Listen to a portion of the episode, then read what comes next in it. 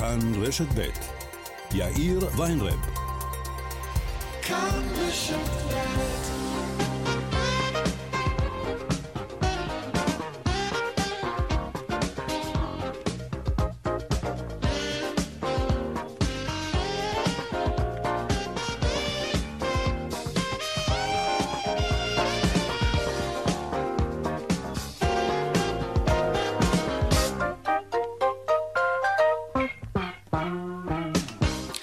קצת אחרי ארבע ועוד חמש דקות, כאן צבע הכסף ברשת ב', שלום רב לכם, יום שני היום כמובן, העורך רונן פולק בהפקה קובי זרח, טכנה השידור שלנו הוא רומן סורקין, הדועל של צבע הכסף הוא כסף, כרוכית, כאן, נקודה אורג, נקודה אל, אני יאיר ויינרב, מעכשיו עד חמש אנחנו מיד מתחילים.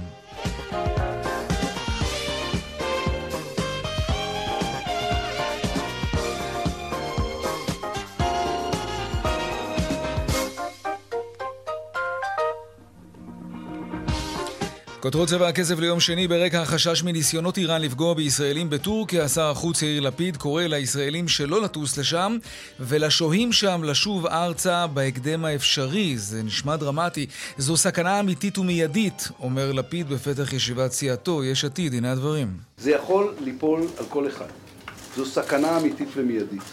אם תכננתם טיסה לאיסטנבול, תבטלו. אין חופשה ששווה את החיים שלכם ואת החיים של היקרים לכם. תקשיבו להנחיות שאנחנו מוציאים, אנחנו מעדכנים את ההנחיות כל הזמן בהתאם להערכת המצב. כן, זה חשוב. ועדת הכלכלה אישרה קנס של אלף שקלים על רכיבה ללא קסדות. כמו כן יוחמרו הקנסות על העבירות בשימוש בקורקינטים. שלום שרון עידן, כתבנו. כן, שלום אה, יאיר.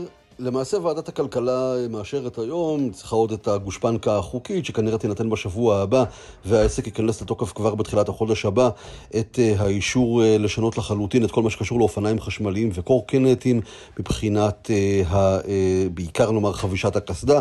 עד עכשיו בעצם הקנס היה של 250 שקלים, הוא יעלה לאלף שקלים מעכשיו, וזה בהחלט משמעותי. מי שנוהג או רוכב ליתר דיוק והוא מתחת לגיל 16, גם כן קנס אה, גדול מאוד, וגם כל מי שמטפלים במרכאות במנוע, מגדילים נפח מנוע, תופעה שאנחנו כמובן רואים הרבה מאוד אה, של אותם כלים שאמורים להיות יותר איטיים, כן. וכמובן במרכאות משדרגים אותם להיות הרבה פחות איטיים, גם הדבר הזה גורם לנזקים גדולים. למעשה חלק גדול מאוד מהקנסות יהיו קנסות של אלף שקל מתחילת החודש הבא.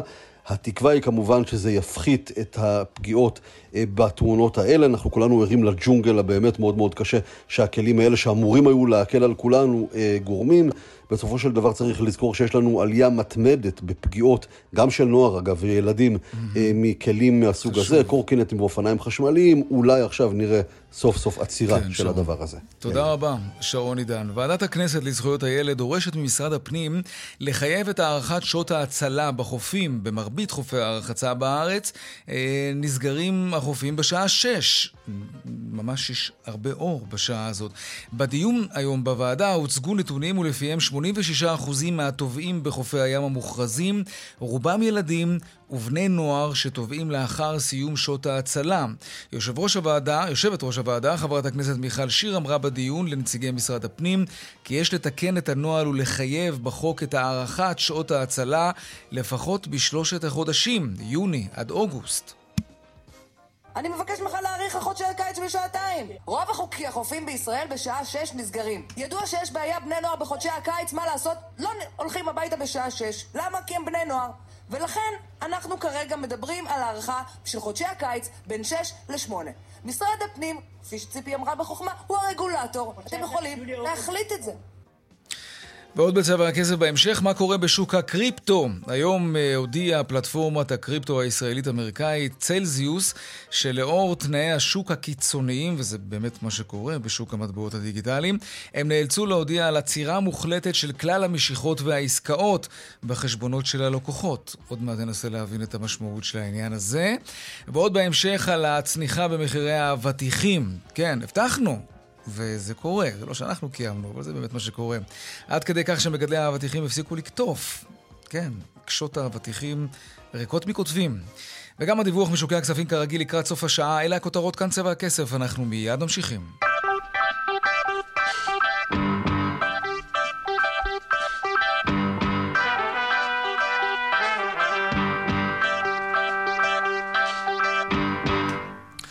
טוב, החשש מפני ניסיונות איראן לפגוע בישראלים בטורקיה, שר החוץ יאיר לפיד, שמענו קודם קורא לישראלים לא רק שלא לטוס לשם, אלא מי שנמצא שם, לחזור בהקדם הביתה, כאן לישראל. שרון עידן, כתבנו לענייני תיירות, שלום.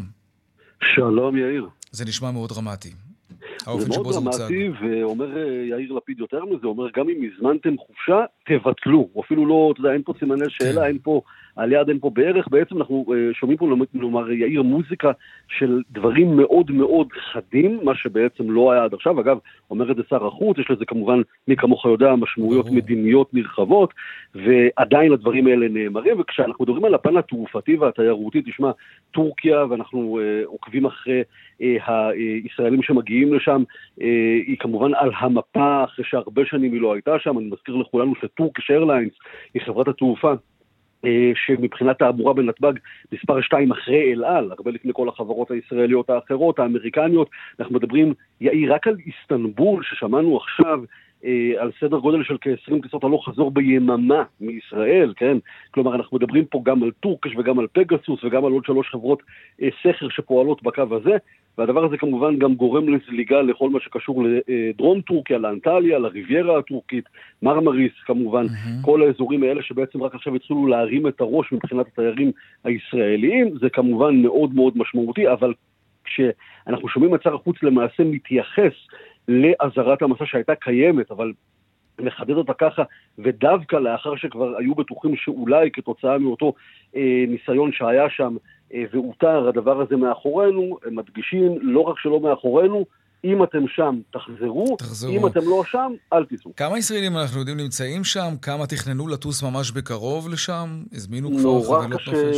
זהו, נורא קשה לדעת מש, משתי סיבות. קודם כל, אנחנו יודעים שיש הרבה מאוד ישראלים שנכנסים אה, וגם יוצאים מהארץ עם דרכונים זרים כתוצאה מאותה אה, בעיית דרכונים, ולכן המספרים המדויקים הם כרגע אה, קצת קשים, נאמר... אה, מבחינת... כן, קשה לאמוד את זה. נכון, אבל שוב, אנחנו מדברים בוודאות על, עשרות אלפים. כלומר, אנחנו מדברים כנראה, אני אומר את זה באופן גס, על בין 40 ל-50 אלף שנמצאים כרגע בטורקיה, כלומר איסטנבול, כלומר אה, אנטליה, כלומר מרמריס, וכמובן שמספרים הרבה יותר גבוהים של כאלה כן. שעוברים דרך טורקיה, משום שרוב הקונקשנים הם אה, כמובן דרך איסטנבול, והרבה פעמים אנשים גם יוצאים לחצי יום, ליום, אה, אני לא מקנא בהם שהם נמצאים שם ושומעים את הדברים, את הדברים נכון. האלה שאומר שר החוץ, זה בהחלט לא נעים. זה, זה הורס חופשה, דבר כזה. לא אולי רק אני אגיד משהו כן. במילה, אה, בפן הצרכני, כי הוא חשוב. אה, אחת הבעיות הגדולות, יאיר, ודיברנו על זה גם בעבר, אבל שווה לחדד את זה, כשמזמינים טיסות לטורקיה במיוחד, צריך לקחת בחשבון, החברות הטורקיות, שהן היחידות שטסות בקו, הישראליות לא טסות לשם, לא יבטלו את הטיסות. כלומר, יש להם אינטרס בכל מקרה להוציא אותן, הן גם מטיסות כמויות אדירות של מטען, ולכן מי שלא מבטח את הטיסות האלה, את החבילות האלה, הכסף הלך. למעשה אזהרת מסע כן. היא לא אחד הדברים שבגינם אפשר להחזיר את הכספים ששולמו. אלא אם כן עושים ביטוח מכל סיבה שהיא. ביטוח מפני ביטול נכון. מכל סיבה שהיא זה כמובן. אבל לא הרבה אנשים עושים את זה. מעט מאוד עושים את זה, בוודאי כן. על החבילות האלה שהן גם כך חבילות לא יקרות, אבל כאן כשמדובר על משפחות שלמות, קח בחשבון שיהיו פה כן. נזקים גדולים מאוד. ברור. שרון עידן, תודה רבה. תודה יאיר. טוב, עדיין בעניין הזה, שלום אילן שלו, סמנכ"ל שיווק קווי תעופה, קווי חופשה. סליחה, שלום לך. בוא נשמע שוב יחד את הדברים שאומר אה, שר החוץ אה, יאיר לפיד לפני זמן קצר בפתח ישיבת סיעתו. זה יכול ליפול על כל אחד. זו סכנה אמיתית ומיידית. אם תכננתם טיסה לאיסטנבול, תבטלו. אין חופשה ששווה את החיים שלכם ואת החיים של היקרים לכם. תקשיבו להנחיות שאנחנו מוציאים, אנחנו מעדכנים את ההנחיות כל הזמן בהתאם להערכת המצב. אילן, תן לי לנחש, ירידה דרמטית מאז שההצהרה הזאת נשמעה, ב, נגיד בשעה האחרונה, אין, אין הזמנות לטורקיה.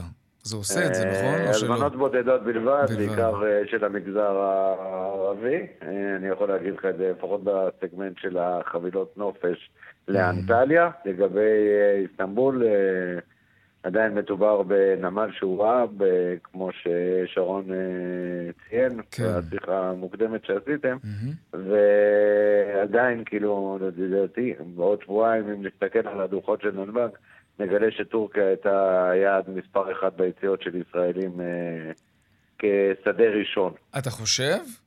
אני מוקלט גם. אוקיי, קובי, אל תשכח להקליט, שים בצד את ההקלטה הזאת. כדאי, שווה, אני אשמח רגע, רגע, לא- אבל זה לא מתכתב עם מה שאתה אומר, בכל זאת, הזמנות בודדות בלבד. לא, בוא רגע, בוא רגע נעשה, נחלק את ה... נפלח רגע מי טס לטורקיה. אה, יש את איסטנבול שבעצם יאיר לפיד אה, דיבר על היעד הספציפי הזה, הוא גם הדגיש את זה כמה פעמים. כן. איסטנבול, אוקיי? איסטנבול זה יעד שאו שאתה מגיע אליו אה, באמת לחופשה ומטייל ועושה שופינג וכדומה, או שאתה מגיע אליו לטובת תהליכים רפואיים כמו השתלות שיער, השתלות שיניים, קוסמטיקה וכדומה, כן. או שאתה משתמש בשדות של איסטנבול כטיסות connection, אם זה לאמריקה או אם זה לכיוון אה, המזרח. אוקיי, אז אני מניח שבסגמנט של הנופש, כן, אה, איסטנבול תיפגע, כן, ונפגעת אוקיי. כבר. אבל טורקיה באופן כללי אתה אומר פחות. טורקיה, באופן כללי כן. אני מדבר על אנטליה, שהיא באמת כאילו mm-hmm. לא משהו שהוזכר גם על ידי יאיר לפיד, כרגע הפגיעה היא mm-hmm. יותר פחותה. ועדיין okay. אוקיי. הציבור הישראלי לא נוער לשם, מהרגע שחודדה... תגיד, אבל מעניין אותי לדעת, מה, מהרגע שהמילים האלה נשמעו, האמת שזה כבר נאמר גם אתמול, אבל נכון. שמתם לב היום, נגיד בשעות הבוקר היה מספר מסוים של הזמנות, ועכשיו נגיד בשעה האחרונה פתאום זה, זה יורד דרמטית? אני. כלומר, מעניין אותי כאילו... לדעת אם הצהרה כזאת תקשורתית, פתאום אנשים מגיבים לזה באופן מיידי. אני מדמיין אה, גרף כזה שיורד. אה, הגרף אכן כאילו בירידה כבר אה, למעלה משבוע, כי כן. החידוד הזה נעשה לדעתי לפני אוקיי. עשרה ימים, או סדר גודל כזה. תגיד, את, אה, אתם יודעים אם פרסומים כאלה בארץ משפיעים גם על תיירים ממדינות אחרות לגבי טורקיה? כלומר, התייר, אני לא יודע מה, הרוסי, האמריקאי, הצרפתי, שהיום אנחנו... כנראה ממשיך כן. את שנת הקורונה ולא יוצא לחופשה. כלומר, זה לא מרתיע אותם בגלל שמחפשים את התייר התייר הישראלי. לא, אבל, לא, לא, לא. אני אומר שוב פעם, יש גם אה, ציבור, אה, ציבור מסוים בישראל, מספר uh, קטגוריות ש... כן, לא מתרגשים מזה. לא, כאילו, זה לא, לא מדבר אליהם ולא מתייחסים לזה. איפה שזה כן נותן את אותותיו, זה באמת בסגמנט של הציבור הישראלי, המשפחות הישראליות, שבעצם עוברות ליוון, אם זה לכריתים, אם זה לרודוס, אם זה לכוס, כן. אתונה. אה, תגיד, אה, חלופות. היעדים התיירותיים בטורקיה, אה, בוודאי מכירים את המציאות כאן בארץ ואת אזהרת המסע הזו כמובן. הם נכון. מורידים מחירים כדי לעזור לתייר, לתייר הישראלי לקבל את ההחלטה כן לטוס? כלומר, הם מנסים לפתות? הם, לא, הם מעודדים מאוד, אתה יכול בעצם היום להתקל כמעט, אם זה ברדיו, אם זה בטלוויזיה, אם זה באתרים של סיטונאי תיירות. אתה תראה כל הזמן קמפיינים של אה, משרד אה, ולשכת התיירות הטורקית פה, mm-hmm. כאן, בתוך ישראל. הם מאוד מאוד מעודדים את התיירות מישראל, בטח... אבל הם מורידים כזה. מחירים בגלל שיש אזהרת מסע? הם גם מורידים מחירים, הם מורידים מחירים, הם יודעים לעשות את העבודה מצוין, כדי mm-hmm. באמת כאילו לא לוותר על אף תייר ישראלי שיגיע. ויפגוש okay. את זה. רגע, רק לסיום.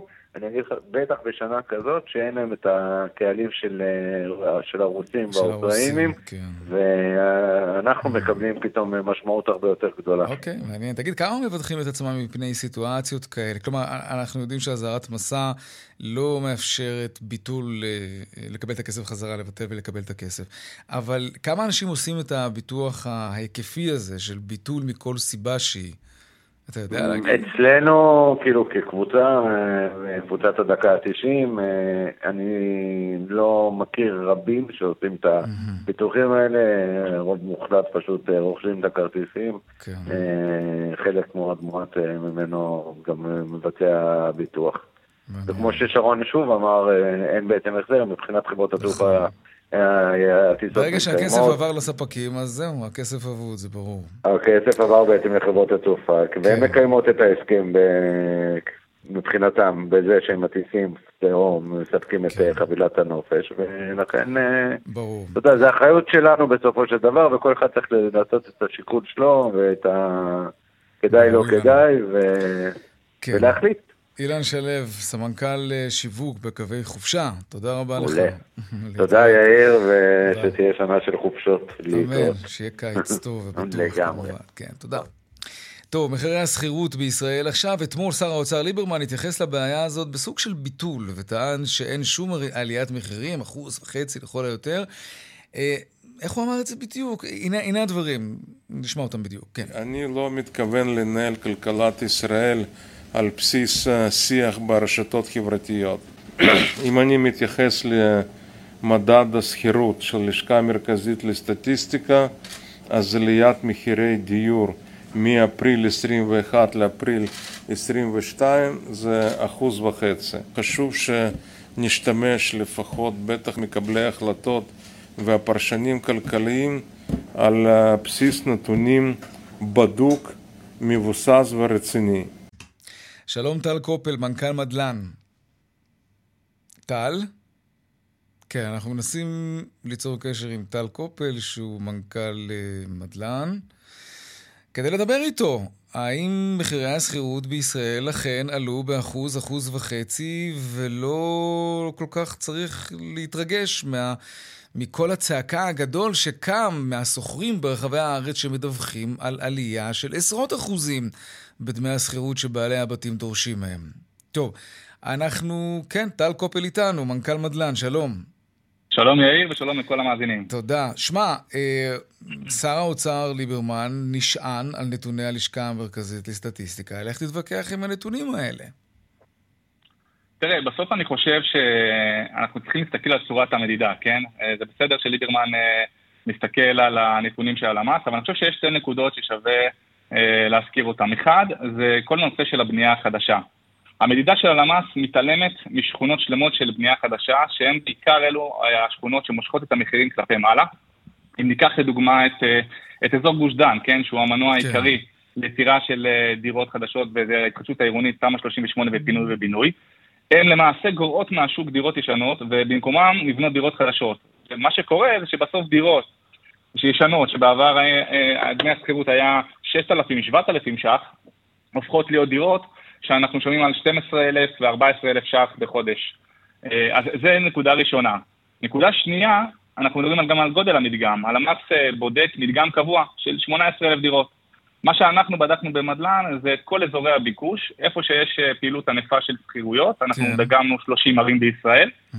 וזה מבוסס מן הסתם על המודעות, זאת אומרת על היצע, על המחירים של, אה, של המודעות עצמם בלוח. Uh, ואנחנו רואים uh, ללא כל ספק, מחיר שכר הדירה המבוקש הוא גבוה באופן משמעותי ביחס לשנה מה זה משמעותי? יש לכם איזשהו נתון ממוצע כלל כן, ארצי? כן, אז, אז, אז, אז בהסתכלות כלל, כלל ארצית אנחנו רואים עלייה של כ-14 אחוזים.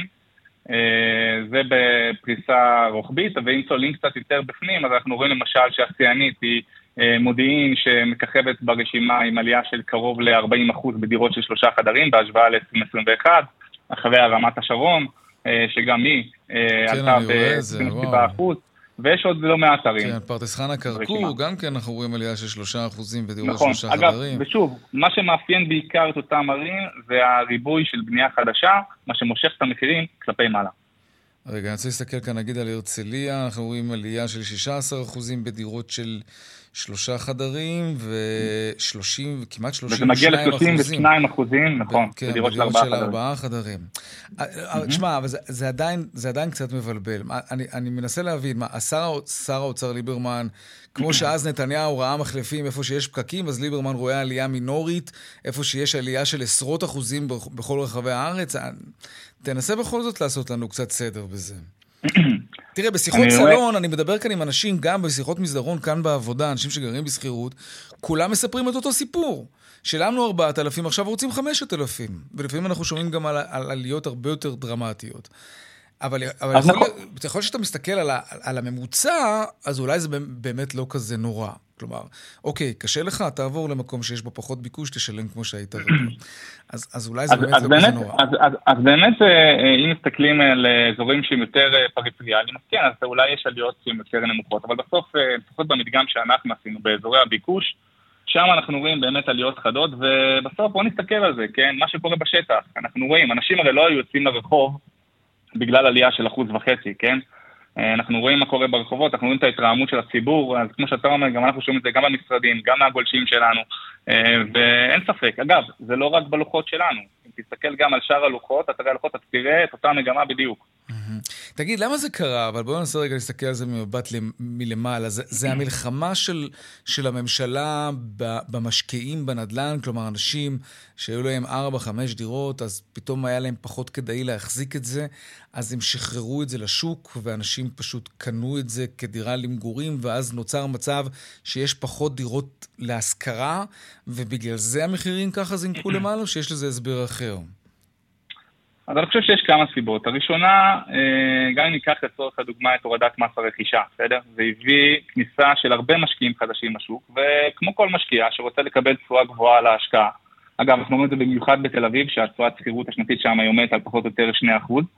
אז, אה, אז אה, אתה יודע, בסוף המשקיעים רוצים לקבל תשואה גבוהה לכסף שלהם, וגם אם זה אומר במחיר שמעלים את מחירי השכירות שלהם, בסוף זה שוק חופשי. אגב, גם הדיבור שיש, כן, על זה שאין היצע, זה גם מתדלק לכשעצמו את כל מחירי השכירות, הפאניקה הזאת, כמו שאתה אומר, אה, אה, ששומעים בציבור, שכולם אומרים המחיר עלה, המחיר עלה. אז כמובן כולם מרגישים את זה. האנשים אומרים, טוב, אנחנו לא נקנה דירות. אנחנו לא נקנה דירה עכשיו במחירים המטורפים האלה, ואז הם מנתבים את עצמם כלכלית לשוק השכירות, וזה מעלה את הביקוש, וזה מעלה את המחיר כמובן. נכון, אז זה בדיוק מה שבאתי להגיד באמת. ככל אוקיי. שהחלום לרכישת דירה הולך ומתרחק, ואנחנו רואים את העליות שיש רק בשנה האחרונה של 16% עלייה במחירי כן. הדירות בישראל, זה מרחיק את החלום מזוגות צעירים.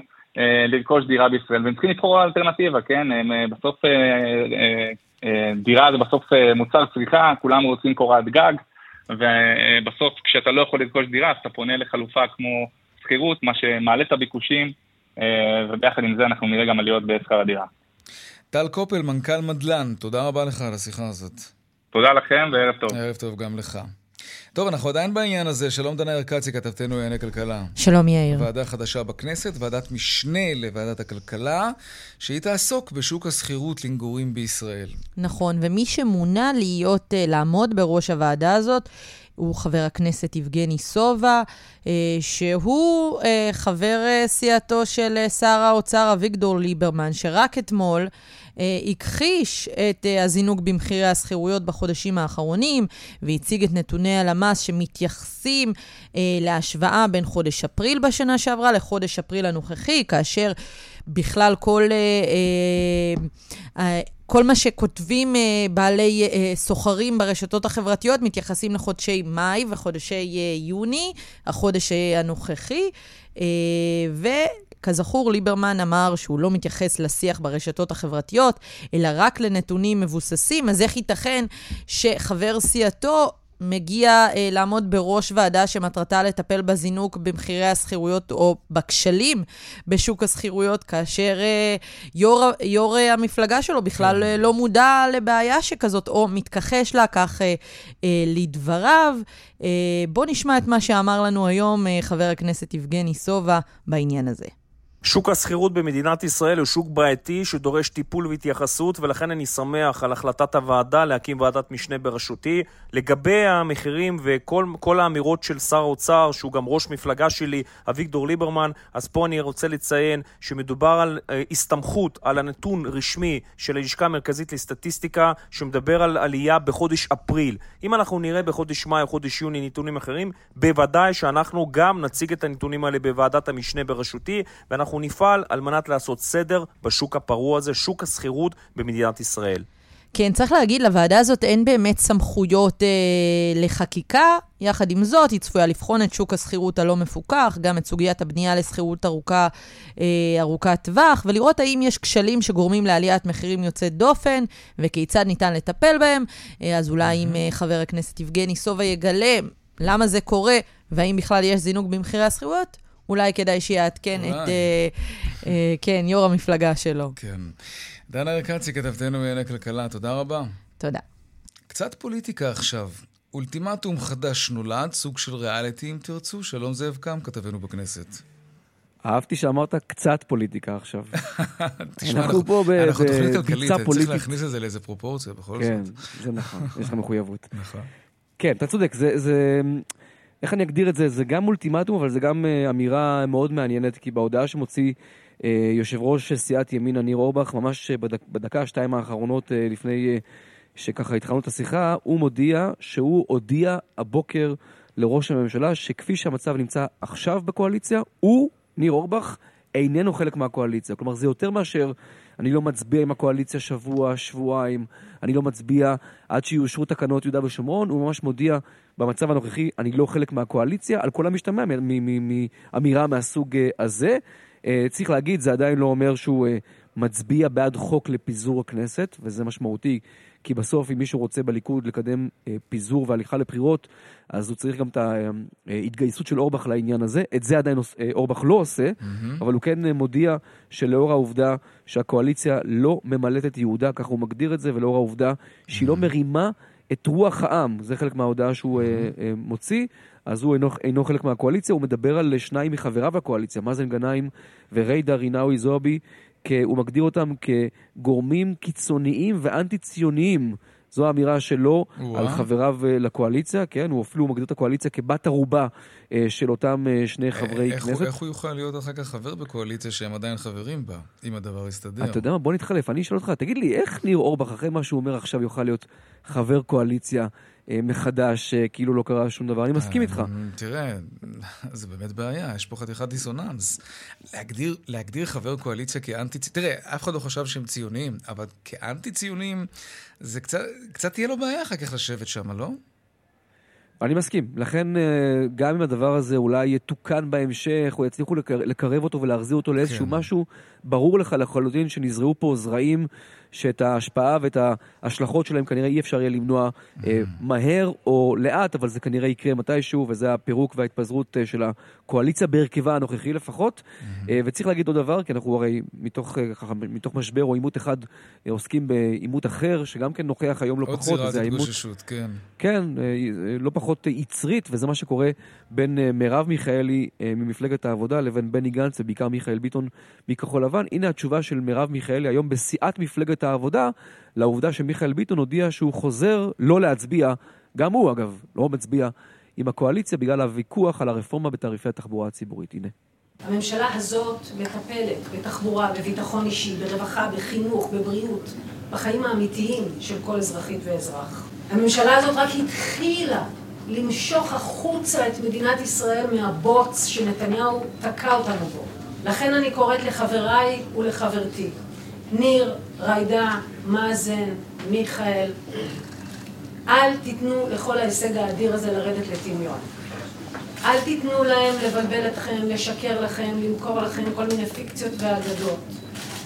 אתם שותפים לנס הזה שקרה פה. אתה יודע מה זה בשביל מיכאל ביטון, יאיר, ובשביל בני גנץ, שמרב מיכאלי מזכירה את שמו של ביטון כמו אותם טראבל מייקרים שבאמת מזעזעים את הקואליציה, אה, כמו ריידה רינאוי זועבי, mm-hmm. אה, מאזן גנאים וניר אורבך. הרי אה, מיכאל ביטון בכוונה הדגיש, אני לא אפיל את הקואליציה, אני אצביע בעדה בהצעות אי האמון, וגם בתקנות יהודה ושומרון אני אצביע עם הקואליציה, כך שאני לא סכנה לקואליציה. היא כנראה בכוונה ש... עושה את זה. בוודאי. שניהם, כן, באותה נשימה. כן. טוב, תשמע, זה כבר סוג של חומה פסיכולוגית אפילו בתוך הקואליציה. התקדמנו. אנחנו בתוך, קמפיין הבחירות, אה, יאיר, וכדאי כן. שאנחנו נתרגל לסיטואציה הזאת. כן, טוב. מתי זה יקרה לדעתך? תראה, צריך להגיד שעד לסיום כנס הקיץ נשארו שישה שבועות וחצי. אם ישרדו אותם בדרך לא דרך, יש פתאום פגרה של חודשיים וחצי, שלושה, ואז אתה יודע, כן. באז, בדיוק אז לא מפילים קואליציה, אז אתה כבר מגיע לסוף אוקטובר, תחילת נובמבר, אבל אז, לכל המאוחר, שוב, כהערכה, אני לא יודע כמובן, mm-hmm. כהערכה, זה כנראה הדדליין האחרון של הקואליציה. זאב קם, כתבנו בכנסת, אנחנו עוד נשתמע הרבה. בשמחה, תודה רבה. להתראות. קצת דיווחי תנועה. טוב, אז ככה, מה קורה בכבישים? באיילון צפון העמוס ממחלף חולון וקיבוץ גלויות עד גלילות, ודרומה מרוקח עד לגוארדיה. בדרך החוף צפון העמוס מגעש עד נתניה ומחבצלת עד מכמורת. עדכוני תנועה נוספים בכאן מוקד התנועה, כוכבי 9550 בטלמסר שלנו, אבל לא רק שם, גם באתר שלנו, האתר של כאן והיישומון של כאן. הפסקת פרסומות קצרה ומיד אנחנו חוזרים עם עוד צבע הכסף. נדבר על הקריפטו, על המטבעות הדיגיטליים, וגם על מחירי האבטיחים. כן, מיד חוזרים. וכאן גם צבע הכסף, ארבעה ועוד 38 דקות בדיוק. מה קורה בשוק המטבעות הדיגיטליים, בקריפטו? התנודתיות מחריפה, עכשיו זה לכיוון של למטה, וזה מאוד מדאיג את מי שמחזיק במטבעות האלה. ולא רק זה, חברת צלזיוס הישראלית-אמריקאית, שהיא בעצם אה, היא פלטפורמה להלוואות קריפטו, היא מקפיאה את המשיכות של הלקוחות שלה. מה, מה זה בדיוק אומר? שלום מירב הראל, מומחית בינלאומית לפינטק ובלונקצ'יין, שלום. שלום לך. שלום יאיר. בשפה הכי פשוטה, מה המשמעות mm-hmm. של ההחלטה הזאת של חברת צלזיוס? זה מאוד מעניין. אתה יודע, צלזיוס הרי עסקה במתן הלוואות על בסיס פקדונות של, כן. של לקוחות, כשהיא נתנה פקדונות עם, עם ריבית מאוד גבוהה. של בסביבות 18 אחוז, זה פחות או יותר הריבית שממנה mm-hmm. נהנו מי שהם שמו את הפקדונות אצלה. Mm-hmm. ומה שקרה, שהיא הקפיאה פשוט את האפשרות לבוא ולמשוך, מה שזה אומר, שהיא כנראה דואגת מכך שמושכים ממנה יותר מדי. Mm-hmm. ופה השאלה. למה אנשים מושכים יותר מדי? אז עכשיו יש פה, יש פה כמה, כמה אפשרויות של זה. מה שחשוב אולי כן לבוא ולהגיד, שאתה יודע, גם, גם בנק שהוא מסודר, אה, ותחת כן. רגולציה מלאה והכל, אה, אם אה, כל הלקוחות בבת אחת באים ומושכים את הכסף, הרי כולנו יודעים שזה יכול ליצור בעיות, ובגלל זה כן. באו ואמרו שצריך לשים ביטחונות וצריך לשים איזושהי חובת נזילות, ויש כל מיני חוקים כן, סביב זה. גם בבורסה, ברגעי משבר, מפסיקים פתאום את המסחר. בדיוק, בדיוק. יש עכשיו, מנגנון עכשיו, כזה, כן. בדיוק. אז עכשיו, עכשיו השאלה שצריך לבחון היא בעצם מה קורה בצלזיות, שצריך להסתכל על מספר דברים. אחד, האם מבחינת הביטחונות שהיא שמה, לצד, לצד כל ההלוואות שהיא נתנה בעצם, אמ, האם הם אה, בגובה שהם, אה, שהוא מספק. Mm-hmm. אמ, כי הרי אין פה, היות וזה לא תחת רגולציה, אז לא בהכרח יש פה אפילו אה, דרישה רגולטורית כמו שיש מבנק, כן? זאת אומרת, כן. זה תחת ההחלטה שלה. לפי מה שאני הבנתי, אני חושבת שהוא שהמנכ"ל לפני מספר שבועות אמר שהם שמים בממוצע 300 אחוז של ביטחונות על כל הלוואה שהם מציעים ללקוח mm-hmm. שלוקח, אז לכאורה על פניו זה נראה שאולי לא משם הבעיה. והדבר השני שיכול, שיכול לקרות זה בגלל הסנטימנט השלילי שקיים כרגע בכלל בשוק הקריפטו, ועוד יותר בגלל ההודעה הצפויה על, על העלאת הריבית. כי הרי ארה"ב הודיעה שבוע שעבר שהאינפלציה הגיעה למעל 8%, זה הצפי שלהם. ובעקבות זאת אה, נראה שהריבית הולכת לעלות, וכידוע משקיעים, כשריבית הולכת לעלות והם יודעים שהם יכולים אה, לקבל אה, ריבית קבועה ומובטחת מהממשלה, כן. מטבע הדברים מקטינים את החשיפה שלהם. מנתבים את הכסף למקומות שהם יכולים לקבל תשואה. בדיוק, מנתבים את הכסף למקום שהוא, כן. שהוא, בדיוק, למקום שהם יכולים לקבל בו תשואה שהיא יחסית מובטחת. מובטחת, כן. אמ, תגידי, אז המטבעות, זה עוד יותר המטבעות הדיגיטליים... כאילו שמן המדורה. כן, mm-hmm. ברור, זה, זה ככל הנראה באמת גם השפיע. המטבעות הדיגיטליים, זה, זה לא חדש, אנחנו יודעים שזה מאוד מאוד תנודתי. מה, mm-hmm. מה, מה מייחד את השפל הנוכחי שכולם ככה לחוצים יותר? אה, זאת שאלה יפה. אמ, תראה, המטבעות הדיגיטליים בעצם, אה, היות והם, אה, אה, בעצם כשאתה קונה מטבע דיגיטלי, אתה מביע אמון מסוים בפרויקט טכנולוגי. ובגלל זה גם התנודתיות היא כל כך גבוהה, משום שיש פה רכיב של סיכון. אתה בעצם משקיע בדרך כלל בחברות טכנולוגיה יחסית צעירות, או לחילופין מציעות איזושהי חדשנות טכנולוגית, עיין ערך לונה, שבאה ואמרה, אני מצמידה לדולר, אבל עושה את זה עם אלגוריתם, אוקיי? כן. אמ, ובעצם, היות ואתה בא ומשקיע במוצרים שהם יותר חדשים, יותר טכנולוגיים, יותר חדשניים, לא בהכרח תחת רגולציה מלאה, מן הסתם הסיכון שם הוא יותר גבוה, ואז גם התזזיתיות של המשקיעים היא יותר גבוהה, כי הכל נזיל אה, בכל רגע נתון. אבל זה לא רק זה, כלומר, מדי פעם איזה טייקון זורק מילה טובה על, על הקריפטו, או איזו מדינה קצת מתרככת ומאפשרת טיפ-טיפה לגיטימציה, נגיד לבוט, לביטקוין, ואז, ואז המטבע הזה דוהר, ואז פתאום ביום אחד הכל מתהפך. גם כן, בגלל שאיזה טייקון אחר זרק מילה אחרת. זה, זה קצת בעייתי לתחום שהחסידים שלו טוענים שיום יבוא, והוא יחליף את, ה, את, את המטבעות הממלכתיים, שכך כל העולם מתנהל, לא? אתה יודע, יש, יש אסכולות של אנשים שמאמינים בביטקוין. יש את ה, אה, אלה שהם האמונה מאוד מאוד מאוד חזקה במטבע, שאומרים שזה יום אחד יחליף את הכל, אמ, והם באים ואומרים שאנחנו עדיין בחבלי הלידה, מה שנקרא. Mm. אמ, ומי שיוצאים זה אלה שהם אה, עם הבטן החלשה ולא יכולים אה, לספוג את הירידות, ואז הם מממשים בעצם את ההפסדים שלהם ויוצאים. אה, ויכול מאוד להיות שהם לא רואים את הפוטנציאל, שהאנשים האלה שבעצם יוצאים כרגע לא רואים את הפוטנציאל לא רואים את ארוך הטווח. לאיזה אסכולה את שייכת? אני באה מהעולם המסורתי של ניירות ערך, אתה יודע, בעולמות של, של פיננסים וטכנולוגיה, עוד לפני שקראו לזה פינטק, שבמקור בכלל אני יועצת השקעות, אז אני מסתכלת על זה כמו על סוג חדש של נכסי בסיס, שבעצם עוד לא עברו רגולציה מלאה, אבל הם מתנהגים בתנודתיות גבוהה יותר בגלל החשיפה הגבוהה יותר שיש להם אה, לסיכון. ואני מאוד עוקבת, אוהבת לעקוב אחרי, דווקא אחרי ההתנהגות של, ה, של המוסדיים בהקשר של, של ביטקוין, משום שאני חושבת שה, שהחזון אחרית הימים ש, שקריפטו יהפוך להיות כאחד מה... בין אם זה currency, כאילו מטבע, או כן. מוצר השקעה שהוא אה, אה, מקובל בפיננסים המסורתיים, כאילו בעולם הפיננסי המסורתי, זה בעצם מה מידת ה... האמון שהמוסדיים ייתנו להם. בדיוק, שדווקא המוסדיים ייתנו. אז אוקיי? בארץ זה לא קורה, נכון? אבל בחו"ל כבר כן? אה, א', ובארץ זה גם, אנחנו רואים את הניצנים. אה, כן? בחו"ל כן, בחו"ל לחלוטין כן. אנחנו רואים גם מבחינת הרגולציה וגם מבחינת המוסדיים עצמם שבאים ונכנסים, אז החשיפות בעצם לביטקוין בתוך תיקי ההשקעות של הלקוחות הולכים אה, ועולים, מתוך, אה, דווקא במקום אה, התנודתי, כלומר כשמחפשים את המשהו שיש בו טיפה יותר ריסק וטיפה יותר תנודתיות, אז באים ומה שנקרא מקבלים עם ביטקוין, אבל לפני, אני חושבת שזה היה משהו כמו שנה, כבר גרמניה אמרה שהיא מאשרת את קרנות הפנסיה שלה, לשים mm. חלק מה, מהכספים, כן, במטבעות וירטואליים. זה חתיכת צעד, כן. עכשיו, מה שמעניין הוא, שלכן הנפילה הנוכחית היא בעצם מעניינת, כי מאוד יכול להיות שגם מוסדיים שכבר נכנסו פנימה, ו- ומאמינים במטבע בגלל שהם יודעים שבעצם הריבית הולכת לעלות בגלל האינפלציה, אז הם באים ואומרים, אוקיי, אז בואו נקטין חשיפה קצת, ננצל את ההזדמנות וכבר נעביר למשהו שהוא אה, אה, mm. עם איזושהי ריבית מובטחת מהממשלה. כלומר, אנחנו לא בהכרח רואים בו דווקא את האנשים הריטייל שבאים ו- וזורקים את ה... מממשים את ההפסדים, מה שנקרא, אלא יכול להיות שבגלל סביבת הריבית, כמו שאנחנו רואים שיש כרגע ירידות mm-hmm. בכמעט כל שווקי המניות, בדיוק מאותה סיבה. כלומר, זאת תנודתיות כלכלית אפילו רציונלית. כלומר, אנשים מושכים משם את הכסף, כי יש להם פשוט אפיקי השקעה טובים יותר עכשיו, ולאו דווקא מדובר כן, באיזושהי קריסה של הרעיון כולו. על פניו, כן, על כן, פניו. מירב הראל, מומחית בינלאומית פינטק ובלוקצ'יין, תודה רבה, זמננו תם, אבל היה מאוד מעניין. תודה רבה, להתראות. דיווחי תנועה עכשיו.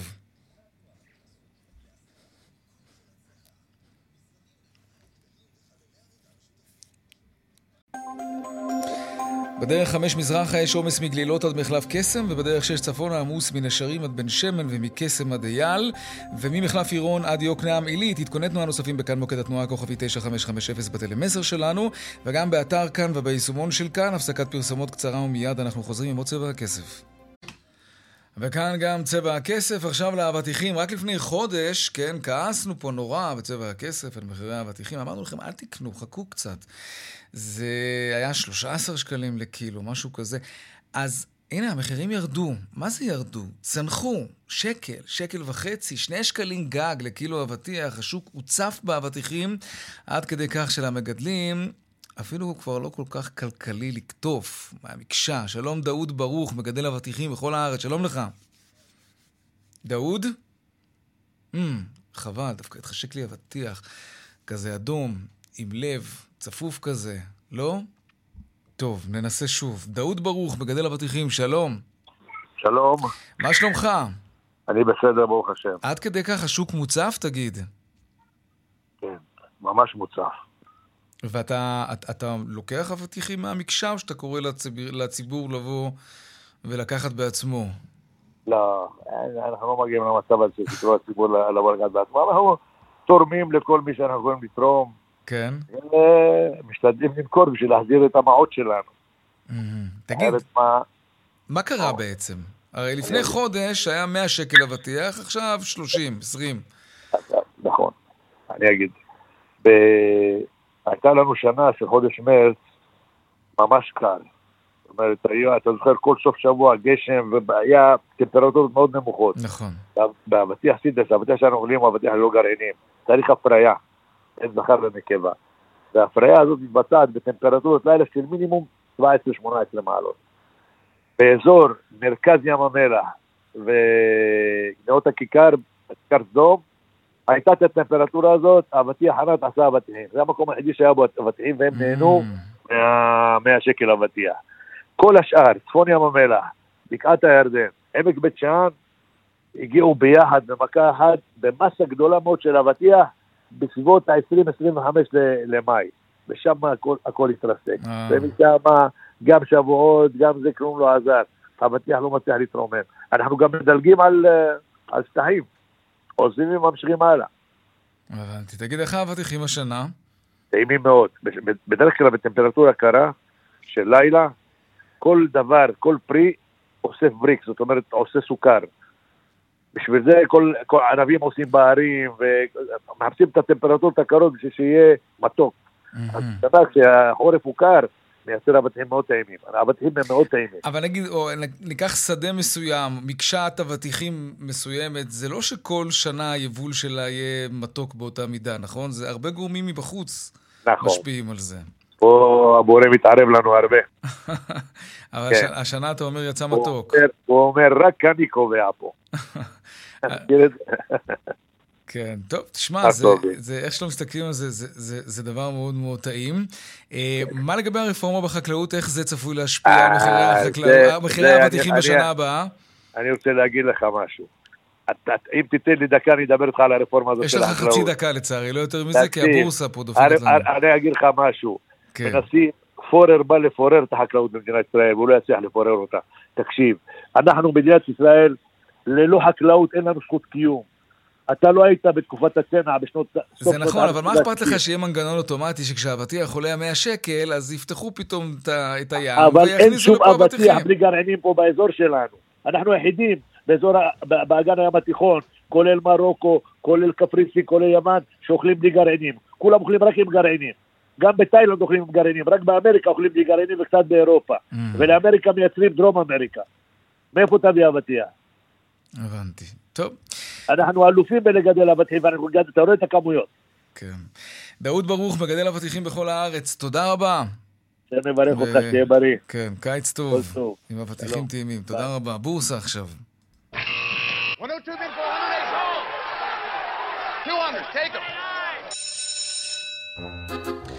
שלום רואה החשבון אמיר אייל, יושב ראש אינפיניטי. מה שלומך? מה שלום השווקים? שלום, שלום, יאיר, אחר צהריים טובים. ממשיכים את המגמה השלילית, אם כי בתל אביב התחיל היום אה, יותר גרוע ומסיים ככה בירידות, אה, אבל אה, לא כמו שהיה בהתחלה, מדד 35 יורד בתשע עשיריות ומדד ה-90 יורד ב-2%, זה כבר היה הרבה יותר גרוע היום. ונסדק נפתח במגמה יותר, יותר משמעותית לרעה. עוד ירידות של 2.5 אחוזים. הדאו ג'ונס בכמעט 2% ירידה, ה-S&P 500 ב-2.5%, בארצות הברית זה ממש אה, ירידות מאוד מאוד חזקות, גם כאן.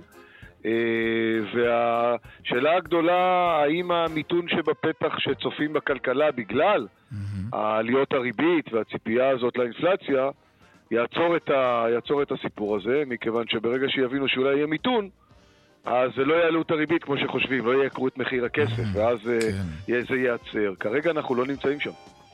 כרגע נגיד האמריקאי אה, מתכוון להעלות את הריבית כנראה חזק, כן, 13 אחוז אפילו. אינפלציה של 8 אחוז, אין כל כך ברירה, כן. זה בדיוק העניין, האם אנחנו נמצאים באיזשהו אה, שיא, שהוא התולדה של המשבר הזה של הקורונה והבעיה מצד ההיצעים ושרשרות האספקה מצד אחד, והרבה כסף ביקושי מצד שני, וזה הביא לעיות מחירים. אבל בעיקר הנפט זה הסיפור, חצי מעליות המחירים זה הנפט, בשביל זה ביידן יגיע לפה בחודש הבא לסעודיה, גם לכאן. ונראה איך זה ישפיע, כן. אמיר אייל, זהו. אם הוא יצליח לשכנע אותם, אולי זה ישתנה. מתחילות. אמיר אייל, תודה רבה. תודה לכם, כל טוב. נרוץ על הקריטים מהר, צבע הכסף, יום רביעי, העורך רונן פולה, קובי זרך, בהפקה טכנאי השידור, רומן סורקין ובוקד התנועה, אהוד כהן. מיד אחרינו בנימיני וגואטה, אני יאיר ויינר, משתמע כאן שוב, מחר בארבעה אחר הצהריים, ערב טוב ושקט שיהיה לנו, שלום שלום.